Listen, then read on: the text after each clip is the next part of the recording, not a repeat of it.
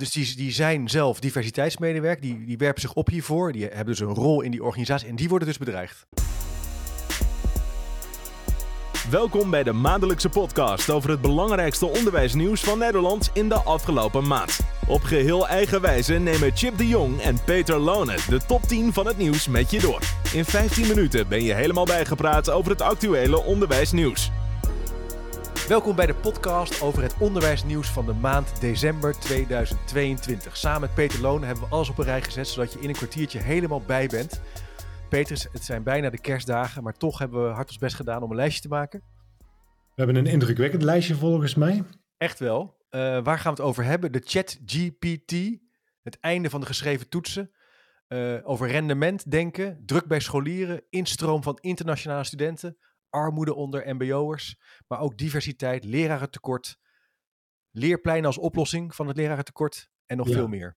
Gelukkig staat daar het vraagteken achter, dus dat ben ik heel eh, gelukkig mee. Ja, ja Ja, ja ehm, eh, zullen we met het eerste onderwerp beginnen? Chip? absoluut. Chat GPT. Ik, Ja. eh, jij was er al mee aan de gang gegaan, hè? Vertel eens even, wat is dat? Nou, ehm, wij hebben het binnen Meters Onderwijsadvies, gaat dit al bijna als thema, ehm, nou, het begin van Google, eh, de uitvinding van de elektriciteit, ehm, ehm, de uitvinding die alles op zijn kop zet. Ja.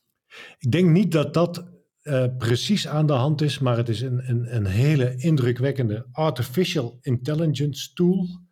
Die, die in no time allerlei teksten schrijft, teksten redigeert, eh, bronnenlijsten maakt, eh, vraag een essay met, met drie meta-analyses erin en, en je krijgt hem eh, voor je kiezen.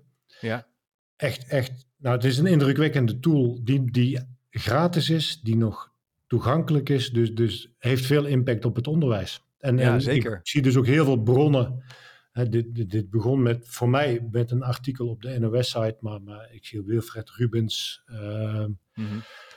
Eh, andere, eh, eh, eh, Barend Last op in, LinkedIn, allerlei andere mensen die, die daar heel veel mee bezig zijn en aan het experimenteren zijn.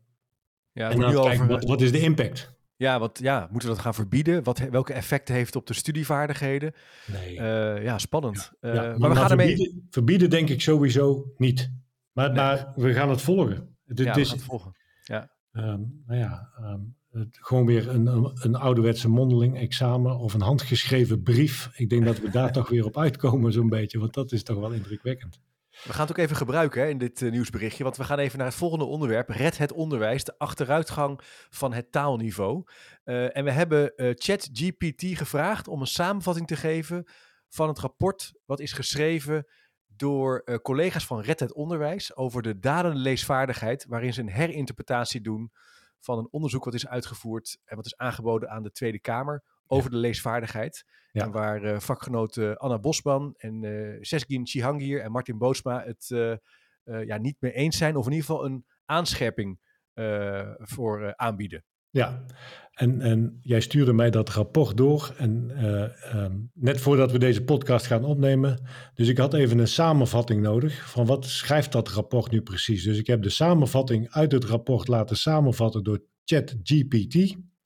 En die komt met: In dit rapport worden de problemen uit het Nederlandse leesonderwijs geanalyseerd. Uit het PISA-onderzoek van de OECD uit 2018 bleek dat de leesvaardigheid van 15-jarige Nederlandse leerlingen sterk was gedaald en dat bijna een kwart van de leerlingen functioneel ongeletterd het onderwijs verlaat. Er is onderzoek uitgevoerd naar de oorzaken van deze daling en adviezen gegeven over hoe de leesvaardigheid weer op peil gebracht kan worden. In dit rapport worden de belangrijkste relevante feiten over leesvaardigheid opgesomd en de factoren die van belang zijn voor het begrijpen van een tekst behandeld. Daarnaast worden interventies besproken die gericht zijn op het verbeteren van de leesvaardigheid. Punt. Kijk, Dat is de samenvatting van ChatGPT. Nou, ik denk dat het in de procedure een goede samenvatting is. Misschien iets meer inhoud. Hè. Die, die Van den Broek eh, heeft het met name over leesstrategieën. En die heeft het dus over leesstrategieën als mogelijk aanknopingspunt om... Ja, en, en even ter onder, onderbreking, Chip. Van der Broek is degene die het oorspronkelijke advies voor de minister geschreven heeft. Ja, precies. Ja, duidelijk. Goed dat je dat nog even zegt. En eh, het, eh, het rapport wat is geschreven door Red het Onderwijs zegt, ja, wacht even. Er worden een aantal, ja, vier relatief onafhankelijke factoren niet genoemd. Technisch lezen, achtergrondkennis, woordenschat en metacognitieve leesstrategieën. Mhm. En wat ze in het artikel onder andere doen is eh, eh, met name achtergrondkennis en woordenschat centraal stellen, terwijl Van den Broek het voornamelijk heeft over leesstrategie als verklarende factor. Ja, ja. Dus zij, zij kijken echt vanuit een ander perspectief en verbreden eigenlijk de factoren als meer, niet, niet een eenzijdig probleem, maar, maar een multifactorieel probleem. Ja, en ik vind Ja. ook een beetje, maar dat zijn mijn eigen woorden, dat, ze, eh, toch, eh, dat je een verschil ziet tussen leesmotivatie, leesstrategieën en ook wat overdragen van kennis en kennis hebben en dan lezen. Maar goed, Ja. dat zijn even mijn eigen woorden. Maar dat was het, eh, Ja. het tweede punt van onze decembermaand onderwijsnieuws. Ja, Punt drie. Aardig punt overigens, hè, want we hebben het natuurlijk al vaker over dit advies en rekenen en taalniveaudaling gehad. Dus, dus het is ook mooi dat dat een vervolg krijgt hierin. Ja, absoluut. Zeker. Ehm, scholieren ervaren steeds meer druk vanuit verschillende bronnen, waaronder hun ouders, de school en de maatschappij. En Ja. dit leidt tot een toenemend aantal stressgevallen en prestatiedruk onder leerlingen. Ja, Ja, ja. vierjaarlijks onderzoek Health Behavior in School-Aged Children. ja, En ehm, nou ja, ik, ik vond het wel, we hebben natuurlijk lang de, de prestatiecultuur en, en het welzijn van leerlingen al op het vizier. Ehm, maar, maar dat de prestatiedruk ook, ook zo door, door leerlingen en of eh, door, door gezin en maatschappij werd gelegd, was voor mij wel nieuw op zich. Ja. En, en dat het één grote red race geworden is. ehm, en, en dat we daar toch echt heel voorzichtig in moeten zijn ehm, met die stress steeds maar opvoeren omdat je ziet dat het, het percentage jongeren dat stress ervaart toegenomen is in de laatste tien jaar van 16 naar 45 procent. Dus, eh, zo'n beetje de helft van de jongeren ervaart een enorme stress en druk door school. Het lijkt me zorgelijk. ja, en ook door de school, maar ook de maatschappij. Het zijn twee verschillende bronnen die, waar, waarover wordt geschreven. Dus blijkbaar doen we iets waardoor die jongeren zich heel erg zorgen beginnen te maken en stress beginnen te ervaren. Ik dacht ook nog wel, ja, kan het ook zo zijn dat we meer stress meten omdat we meer stress meten? Het is ook iets wat de lo- afgelopen 20, 30 jaar natuurlijk ook meer eh, in het licht staat. Ja, Maar Ja. ik denk los daarvan eh, zie ik het ook wel bij studenten dat die ook zich zorgen maken over bijvoorbeeld hun, eh, hun lening of hun studietijd. Of eh, Ja. of ze wel een baan krijgen of ze wel een huis kunnen vinden. Dan heb je ook Ja. nog eens even de duurzaamheidsvraagstukken. Hè, de aarde die kapot gaat. Nou, dan heb je wel een eh, soort cocktail. Hè? ja. Nou ja en, en dat is misschien wel ook wel een aardige brug naar, naar ons vierde nieuwsonderwerp in deze podcast over december. Is dat we zien dat er toch meer studenten uitvallen en, en Ja. fors meer studenten uitvallen. Het was een Twitterbericht van Jeroen Jansen, onderwijsdirecteur onderwijswetenschappen van de Universiteit Utrecht. En dan wordt een link ook wel gelegd met de coronadiploma's voor, voor eh, die leerlingen en, en, en nu studenten die dus in de coronatijd geen eindexamen gedaan hebben. ehm, of een, een, eh, geen eh, studieadvies gekregen hebben Ja. en zien dat, dat de, de, de toch fors meer studenten uitvallen. Ehm vond Ja. ik toch een bijzonder onderwerp. Absoluut, absoluut. Dat moeten we wel blijven volgen. Eh, k- het zou dan kunnen zijn dat ze uitvallen en een andere studie kiezen. Dat gebeurt natuurlijk ook. Mhm. Eh, maar in ieder geval is het omhoog aan het gaan. En, en de vraag is, hoe komt dat? Ja. ja, Ja. ja, Ja, zeker omdat we weten dat, dat ik geloof in 1967, 1968 was er in Frankrijk een lichting die geen eindexamen gedaan heeft door grote stakingen. ja. En het blijkt eigenlijk dat dat een van de meest succesvolle lichtingen is in, in Frankrijk al- als het gaat over maatschappelijke positie op lange termijn. Dus wellicht zou dit op lange termijn weer wel gecorrigeerd worden ergens. Dat, Ben je al zo oud dat je dat hebt meegemaakt, Peter? eh, nee, net niet, maar ik weet wel dat er in de coronatijd destijds over geschreven werd over die generatie. Ik ben van net daarna. Net daarna, zo erg is het Ja. nog niet. Hey, Ja. En minister Dijkgraaf is niet van plan om een wervingstop in te voeren. Ehm, na overleg met de koepels heeft minister Dijkgraaf besloten om de motie van de SP en het CDA, die vroeg om een wervingstop voor internationale studenten, niet uit te voeren. Je hebt het eerder Ja. ook over gehad. Ja, Ik, heb als, ik zei wel eens, ja, ga maar eens bij de UvA kijken. Het is helemaal Engelstalig. Eh, Ja. Het is echt eh, een enorme toeloop. ja. Ehm, er zijn veel zorgen over, ook de kwaliteit van het onderwijs, maar ook het, de taal Nederlands. Ja. Eh, maar Dijkgraaf heeft toch een andere keuze eh, gemaakt. Nou ja, ja hij, hij kiest de, de, de middenweg en, en het genuanceerde. Hè. De- dus eh, eigenlijk was het vanuit de motie van SP en CDA ehm, nou ja, toch wel een hele rigoureuze stap om te stoppen met, met internationale studenten te werven. En, en Dijkgraaf, ehm, ehm, mooi als hij dat kan formuleren, hij zegt eigenlijk van ja, maar, maar we hebben ook wel heel veel belang bij die internationalisering. Alleen we moeten Ja. goed kijken waar en wanneer dat we dat doen. Ja. Een artikel op Science Guide. Dus ik denk, eh, het was, was mooi verwoord en eh, volgens mij goed beargumenteerd waarom hij die motie toch niet helemaal overneemt. Ja, ik vond het wel een typische, wel mooi, een, een soort polderachtige argumentatie. We gaan weer gewoon met elkaar blijven praten. Typische Nederlandse aanpak. Uh, ja. is niet altijd verkeerd. In, in, gesprek blijven in plaats van meteen een harde klap geven erop. Ja, en het mooie van, van, van Dijkgraaf is misschien, het is een polderaar wellicht, maar ook wel echt een wetenschapper die gewoon echt goed kijkt naar welke argumenten spelen er nu allemaal een rol. En hij gaat niet over één nacht ijs, heb ik het idee wat dat betreft. Nee, heel goed. Nou, we blijven het volgen. Uh, punt 6, financiële steun voor de mbo-student. Ja. ja, de mbo-raad en uh, Job MBO roepen het kabinet en gemeentes op om studenten in het mbo financieel steun te bieden, want die hebben het zwaar. Als gevolg van de inflatie, energiecrisis. Ze kunnen zelfs niet, geen ontbijt meer hebben of douchen, zegt Adnan Tekin, voorzitter van de MBO-raad. Ja. Dus ja, dat moet, uh, tegemoet, uh, er moet een tegemoetkoming komen. Ja, ja. En uh, nou ja, vooral ook proberen om, om dat uh, te blijven steunen. En, en wat, nou, waarom ik dit ook een interessant onderwerp vond. We hebben met een aantal leidinggevenden bij elkaar gezeten in Dordrecht in het Onderwijsmuseum. En, en daar een, een, piramide ook besproken met, met Mark Vermeulen van TIAS. Die, die zei van nou, die mensen die, die links onderin zitten en die, die het moeilijk hebben, maar eigenlijk onderwijs um, uh, nou, alleen maar frustratie is. Zorg dat je ze zo goed ondersteunt dat ze aan kunnen haken. En ik vond dat dit wel een mooi voorbeeld daarvan om ook te, te differentiëren in welke aanpak mensen nodig hebben om aan te haken moet je veel voor doen. Hè? Want de economische consequenties van uitval of het niet halen van een diploma zijn zo groot. Ja. Voor bepaalde doelgroepen, ja, daar moet je gewoon in blijven investeren. Dus wat dat betreft, ja, sterke, sterk signaal hè, van de, van de MBO-raad en van Job MBO. Hey, het is ook over uh, diversiteit gegaan. Hè? De moslimorganisaties in Nederland doen aangifte tegen Wiersma over het schenden van de grondwet. Ja, ja. Ja, wat mij betreft koppelen we daar twee nieuwsberichten van deze maand. De, de, we zitten inmiddels bij 7 en 8. Ja. Um, een aantal moslimorganisaties uh, inderdaad aangifte gedaan tegen, tegen Dennis Wiersma, uh, die overigens het advies van zijn eigen ambtenaren ook terzijde heeft gelegd. En die ehm, nou, eigenlijk zegt van ja, ik moet die weekendscholen, ik moet ze heel goed onder controle houden, want daar gebeuren allerlei dingen die niet door de beugel kunnen. Ja. En, en daarin is hij toch heel erg aan, aan het profileren geslagen bij de minderheidsscholen, is het idee. En um, nou ja, het, die, die, die moslimorganisaties zeggen ook van ja, het strafrecht is een heel zwaar middel. Maar we vinden het toch zo belangrijk om, om aangifte te doen, omdat nou, uh, Wiersma lijkt hier wat doorgeslagen te zijn in zijn actiebereidheid om, om ja. uh, sterk over te komen. Hè, waar ja, maar het punt is dan, je, ja, je mag niet uh, iemand verbieden om samen te komen in het weekend. En nou ja, vanuit, vanuit vrijheid van godsdienst.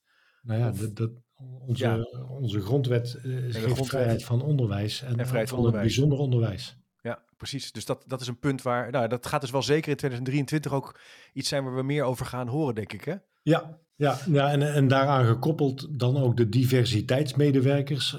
ja vooral in de 21 hoger onderwijsinstellingen waar dit onderzoek is uitgevoerd, het Erasmus Magazine. Um, um, het, soms heel veel um, beroep doen op dat diversiteit, genderneutraliteit, ja. Uh, achtergrond, uh, inclusie. En toch ook de anti-woke beweging die daar achter zit, ja. waarbij zij zeggen van we voelen ons bedreigd, we voelen ons soms ook, we staan met naam en toenaam op de website van de uh, universiteiten en hogescholen. Met enige regelmaat wordt ook onze familie uh, lastig gevallen. Dat is natuurlijk heel heftig. Dit, dit zijn dus echt heel die, heftig nieuws, vond ja, ik. Dus die, die zijn zelf diversiteitsmedewerker, die, die werpen zich op hiervoor, die hebben ja. dus een rol in die organisatie en die worden dus bedreigd. Ja, bedreigd ja, of lastig gevallen. Lastig gevallen. Of, of uh, geïntimideerd.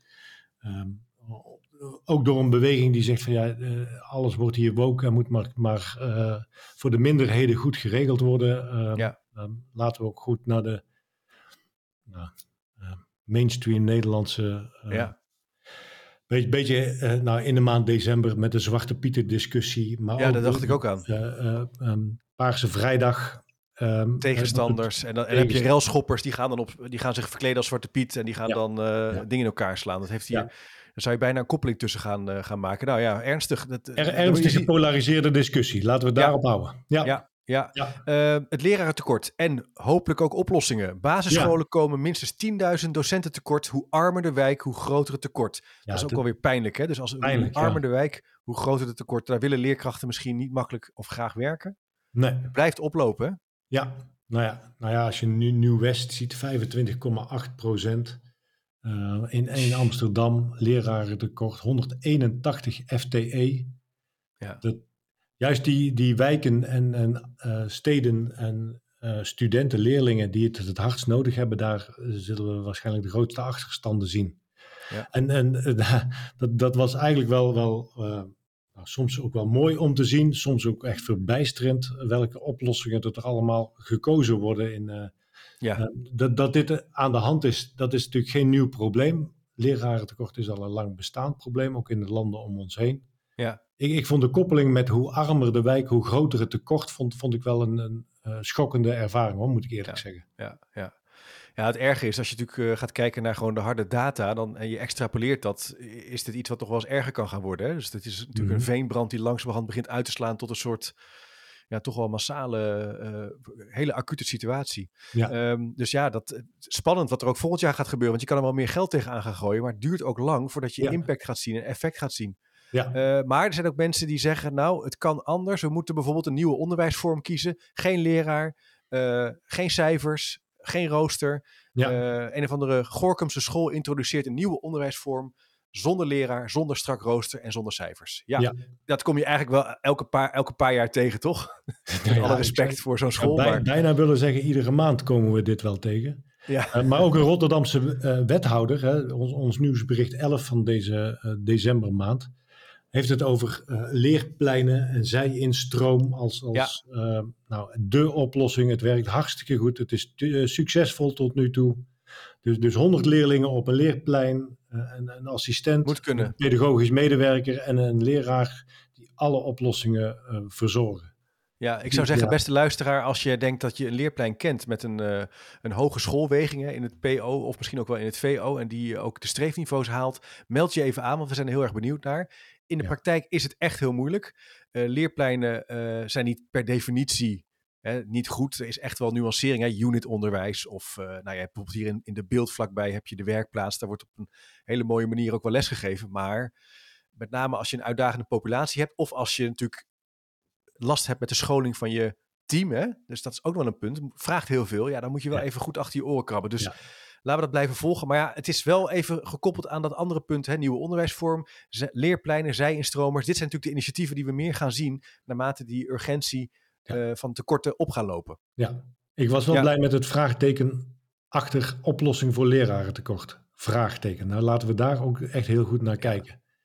Ja, hey, er was ook een artikel... dat het traditioneel beter is. Nee. Maar het is goed om, om echt te kijken naar de effecten voordat we dit grootschalig gaan invoeren. In de hele ja. stad Rotterdam bijvoorbeeld alleen al. Ja, en ook niet gaan experimenteren met kinderen, lijkt mij wat dat betreft. Zou ik ook nee. altijd een beetje waakzaam voor zijn. Hey, ja. uh, twaalfde punt is, hoe moet de school er eigenlijk uitzien? Uh, ja, een beetje kolderpedagogiek. Uh, een beetje flauw, maar een adapt leer-ecosysteem. Dat is gericht op de toekomstbestendigheid en oplossingsgerichtheid. In plaats van verouderde lineaire systemen moeten we... ja ecologisch gaan kijken naar, naar leren. En, en, ja. en, en, dat is dus een initiatief en een blog uh, geschreven over Now School, NOW school. Ja. Ja. Nou ja, kijk, als je dan die chat GPT gebruikt, dan hebben die leerlingen natuurlijk wel heel veel tijd over om zich ook in de natuur uh, te ontwikkelen, vaardigheden, uh, één met een planeet te worden. Want dan hoeven ze niet meer zoveel achter hun pen en nee. papier of toetsenbord te zitten. En kan, nee, Nee, kan ook heel goed. Ja, en hoe, ziet, hoe zou dat dan in een MBO eruit zien? Uh, kan je dat uh, ja, boten bouwen of uh, ja. leren om een ja, cv-ketel te installeren? Ga je dat dan ook ja. ecologisch doen of zo? Ik vind het al een beetje ingewikkeld, maar het is wel, het is, filosofisch gezien heb je ook altijd wel mensen die dit soort dingen al ja, heel belangrijk vinden. In, het, in contact staan met de natuur. ja, ik woon in Zeist. Hier heb je natuurlijk ook een, een sterke verbinding met het ja, hoe heet het ook alweer? Het ecologisch denken, het ecologisch leven. Ja. Uh, Zutphen is ook zo'n zo'n plek. Ja. ja. Maar ja, als, als ik dit dan afzet, en dan kom ik heel even terug voordat we deze podcast van het nieuws afronden met, met ja. de armoede van de mbo-student, het enorme lerarentekort wat we hebben. Ja. Dan, dan klinkt dit wel als een wat, wat uh, nou, bovenkant maatschappij discussie die zich hier um, mee bezig kan houden, denk ik. Ik denk dat we toch uitdagingen hebben om de basis goed op orde te brengen. Ja, ja. En als, als die basis ecologisch is, hartstikke goed. Top. Maar anders is het toch een beetje kolder. Ja, anders is het toch een beetje kolderpedagogiek. Nou, dan is dat eigenlijk uh, voor de maand december ons onderwijsnieuws. Ja, er is nog een week te gaan, Peter. Maar we hebben gezegd, nou, volgende week uh, kerstvakantie. Dus laten we ook even uitpluggen. Ja. Uh, we, we, blijven natuurlijk volgen. Dus als je nu luistert, maak je geen zorgen. Ga op vakantie. Wij houden het allemaal bij. En eind januari komen we weer bij je terug op de lijn. Via de podcast. Al het onderwijsnieuws van de afgelopen maand. heb je een vraag? Laat het ons weten. Ja. Kan altijd. Vinden we leuk. En ik ben ook heel erg benieuwd naar de ervaringen die mensen opdoen met ChatGPT. Want ik, nou, experimenteer je suf en laat horen wat je ervan vindt. Hartstikke goed, Peter. Ga je nog op vakantie trouwens? Ik ga nog wel even op vakantie, ja. Lekker. Heerlijk naar de zon.